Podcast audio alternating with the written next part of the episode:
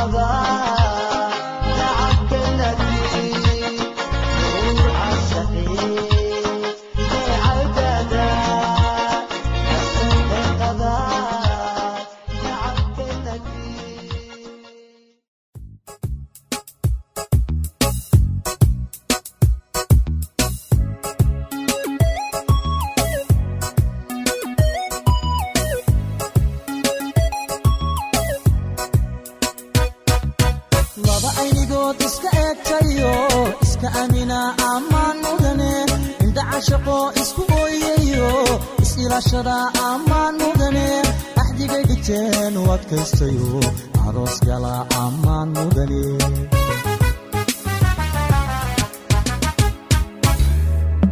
lamana indoora jacaylka adkeey kalsooni abuura ammaan mudane ahay nasiibku intuu u ekaade aroos gala ammaan mudane ubaxu dhino isxaashaqayba allaylehe ammaan mudane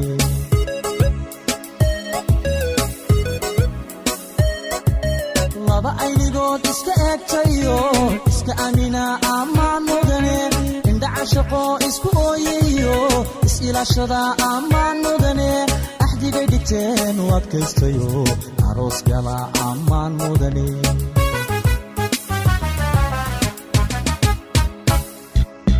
lamana indoora jacaylka adkeeye kalsooni abuura ammaan mudane ahay nasiibku intuu u ekaaday aroos gala ammaan mudane ubax ordino isxaashaqayba allaylehe ammaan mudane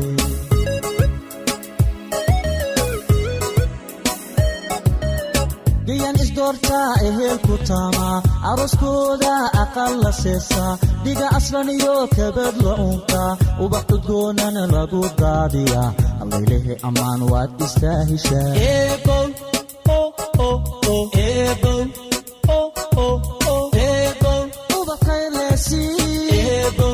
adeegasi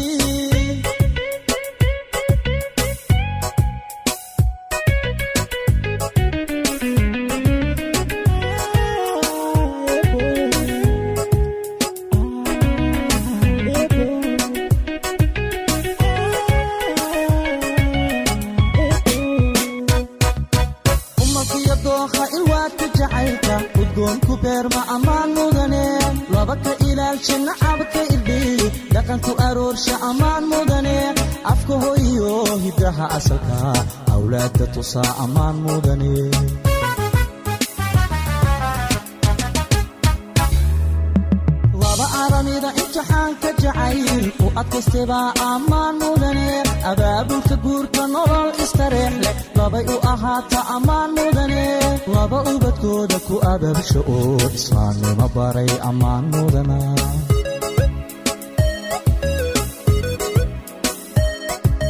malkiyo dookha ilwaadka jacaylka udgoonku beerma ammaan mudane laba ka ilaalsha nacabka irdhiyi dhaqanku aroorsha ammaan mudane afka hoyo hiddaha asalka awlaadda tusaa ammaan mudane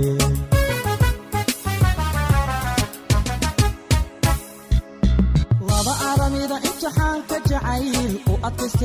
ammaan mudane guurka nolol istareex labay u ahaata ammaan mudane laba ubadkooda ku abaabsha oo islaamnimo baray ammaan mudana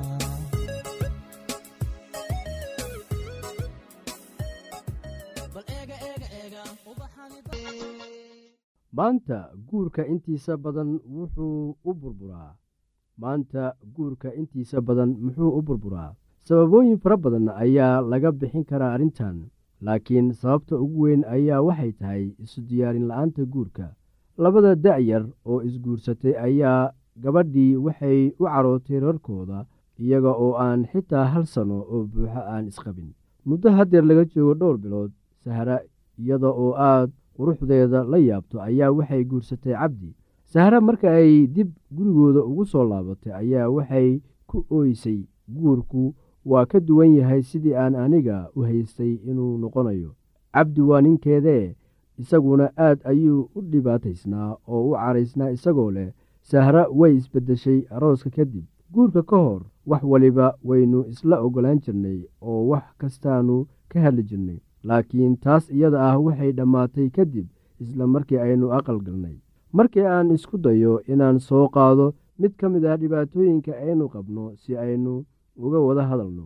Fikraddii aan soo jeediyaba way igu xiraysaa qaylinaysaa oo weydiidaysaa in wax isbeddel ah lagu sameeyo go'aano hore oo aynu gaarnay.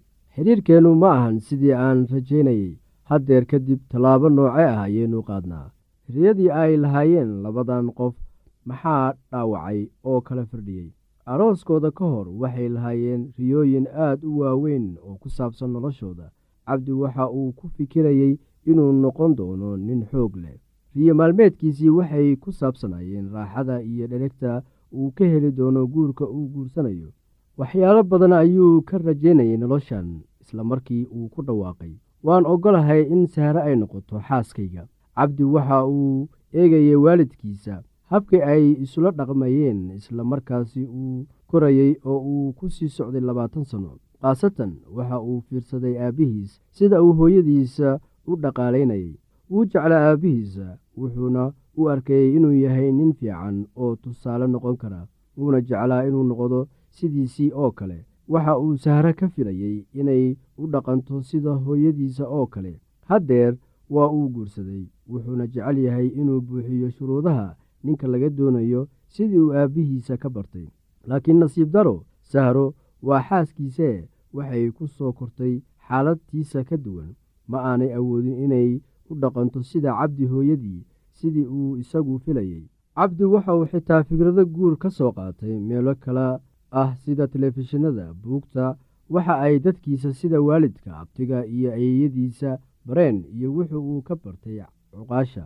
Inta badan noloshiisa waxa uu ururinayay warar ku saabsan sida uu ninka u dhaqmi lahaa. Nasiib daro sidoo kale waxa uu ururinayay fikrado ku saabsan sida naagtu u dhaqmi lahayd. Sahro hooyadeed hase yeeshee waxay ahayd naag howlkar ah oo aan cabsanin oo uu ninkeeda quruf quruf u keeni karin. Waa sahro aabbaheede sahro aabbaheeda maamulka guriga oo dhan waxa uu faraha u geliyey sahro hooyadeed. Islamarkaasi uu isagu shaqo tegayey cayaarahana u daawasho tegayey ama uu mashquulsanaa howlaha bulshada. Haddeer maadaama ay guri leedahay way garanaysay wixii naag wanaagsan samayn lahayd iyo wixii laga doonayey ama laga filayay iyada. Ka hor intii aanay guursan wax shaki ah kama uusan jirin inay leedahay awoodda ay ku noqonayso boqorada guriga. Waxay awooddeeda muujinaysay mar alle markii la soo baahdo. Haddeer markii ay fursaddii timid arrintii meel ayay iska noqotay. Cabdi waxa uu diiday inuu qaybtiisa cayaaro sidii nin wanaagsan laga filayay tanina waxay rabsho u keentay sahro waxay ku ooyeysay sida tan wax walba oo aan isku dayo inaan sameeyo waxa ay ka xanaajinayaan cabdi. Madaxa ayuu ii taagayaa oo wuxuu doonayaa inuu i xukumo. Intii aanan isguursan sida wuu ka duwanaa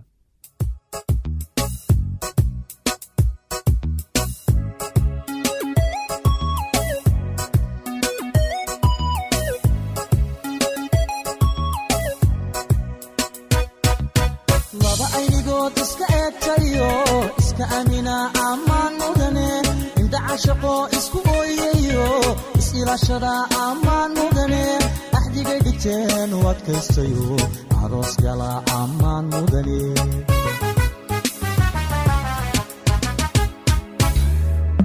Lamana indoora jacaylka adkeey kalsooni abuura ammaan mudane ahay nasiibku intuu u ekaade aroos gala ammaan mudane ubaxu dhino isxaashaqayba allaylehe ammaan mudane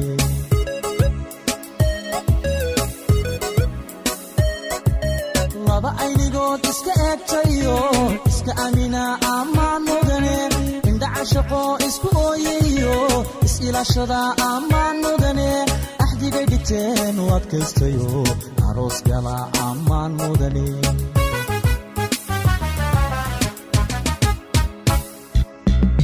lamana indoora jacaylka adkeey kalsooni abuura ammaan mudane ahay nasiibku intuu u ekaade aroos gala ammaan mudane ubax ordino isxaashaqayba allaylehe ammaan mudane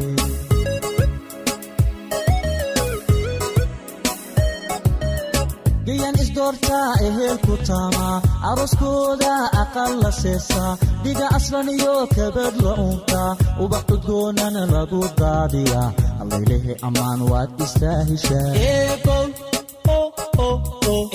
u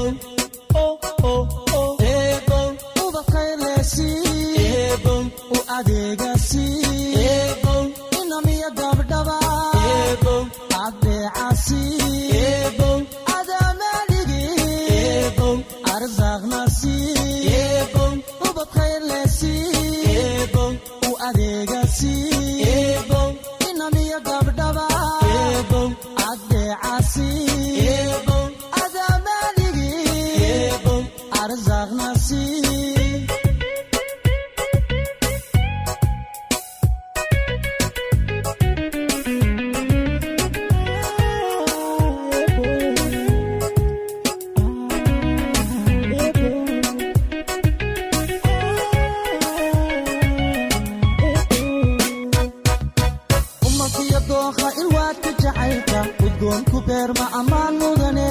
Laba ka ilaalsha nacabka irdhiyi dhaqanku aroorsha ammaan mudane. Afka hoyo hiddaha asalka awlaadda tusaa ammaan mudane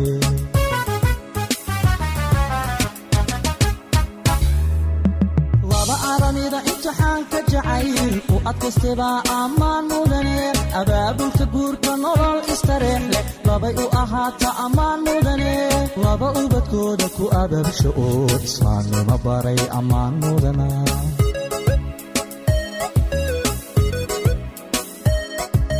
malkiyo dookha ilwaadka jacaylka. Udgoonku beerma ammaan mudane laba ka ilaalsha nacabka irdhiyi dhaqanku aroorsha ammaan mudane afka hoyo hiddaha asalka. Awlaadda tusaa ammaan mudane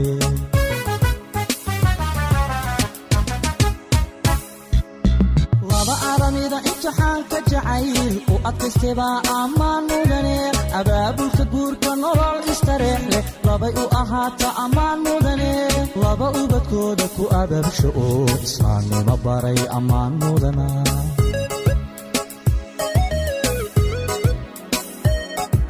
bal eega eega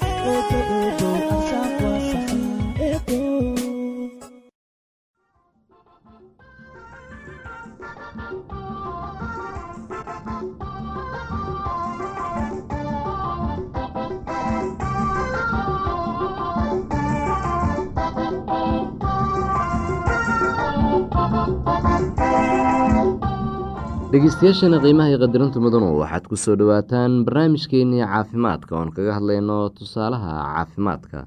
Mowduuciina maanta wuxuu ku saabsan yahay waxyaabaha sababa ama keena cudurrada jirooyinka waxaa keena arrimo is-urursaday markaad ka fekerayso sida looga hortegi lahaa ama loo daaweyn lahaa cudurrada waa inaad ka fikirtaa laba siyaabood.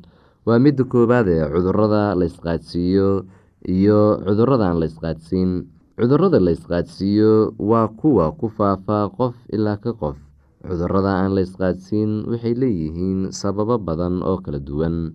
Laakiin weligood ma sababaan jeermis bakteriya ama waxyaabo kale oo noolaha ah jirka soo weerara. Waxaa waajib ah in la aqoonsado daawada antibiyootikada ah. Ha u qaadanin cudurrada aan la isqaadsiin antibiotic tusaale ahaan cudurrada aan la isqaadsiin mushkuladda cudurka waxay ka timaadaa shaygaasoo wax jirka ka dhammaaday ama ka xumaaday. Waxaa kaloo keena wax jirka dibadda uga yimaada kaasoo dhibaato ama waxyeelo ama mashaqo u keena. Waxaa kaloo keena wax jirku u baahan yahay oo uu waayo iyo kuwa lala dhasho. Cudurada la isqaadsiiyo cudurrada la isqaadsiiyo waxaa u sababa bakteriya iyo waxyaalo kale kuwaasoo waxyeela jirka. Jidad badan ayay ku faafaan. Bakteriyadu waa wax ilimo aragto ah aad bay u yar tahay. Ma arki kartid ilaa weyneyso aad ku eegto mooye. Waxaynu weyneysadu waa qalab waxaa ilimo aragtada ah weyneeya. Fayraska waa ka yaryahay bakteriyada hana ku daaweynin fayraska antibiotikada.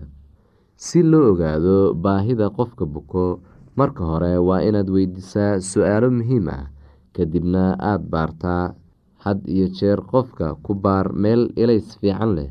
Waxaa jira waxyaabo aasaasi ah in la weydiiyo lagana eego qof kasta oo buka. Kuwani waxay isugu jiraan waxyaabo qofka bukaa uu dareemayo sidoo kale waxyaabaha aad ku aragto inta aada baarayso ka bilow xanuunka hayaa qofka inaad weydiiso. Inta aadan taaban qofka bukaa si taxadir leh u eg dhowr inta ay jiradiisu iyo tabardaradiisu tahay sida uu u dhaqaaqayo sida uu u neefsanayo ama sida ay maskaxdiisu saafi u tahay.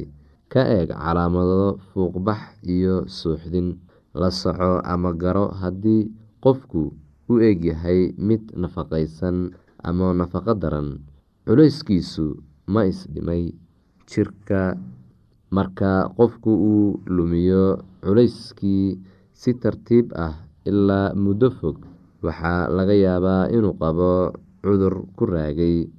Midda kale eeg midabka indhaha iyo jirka. Dareen gaar ah si sida qofka bukaa u neefsanayo mid hoos u dheer ama gaaban. Inta jeer uu qofku qaadanayo neefta intay dhibayso. Ogsoonow haddii labada dhinac ee xabadka ay isku si u wada nuuxsanayaan marka uu neefsanayo si deggan u dhegeyso dhawaaqa neefsashada. Badanaaba waa caqli wanaagsan in la hubiyo heer kulka qofka xitaa hadduusan qandho qabin. Waa muhiim in la baaro goorta ay qandhadu timaado iyo sida ay ku timaado inta ay joogeyso iyo siday u deyso tani waxay kugu caawineysaa in aad aqoonsato cudurka. Si gaar ah u eeg xoogga tirada qadarka iyo toosnaanta garaaca wadnaha haddii aad hayso saacad tiri garaaca daqiiqadiiba. Garaaca caadiga ah dadka waaweyn waa lixdan ilaa siddeetan daqiiqadiiba. Caruurta waa siddeetan ilaa boqol daqiiqadiiba. Dhallaanka waa boqol ilaa afartan daqiiqadiiba. Fiiri midabka qeybta cad ee indhaha ma caadiba casaan ama jaalle si gaar ah u eg wiilka indhaha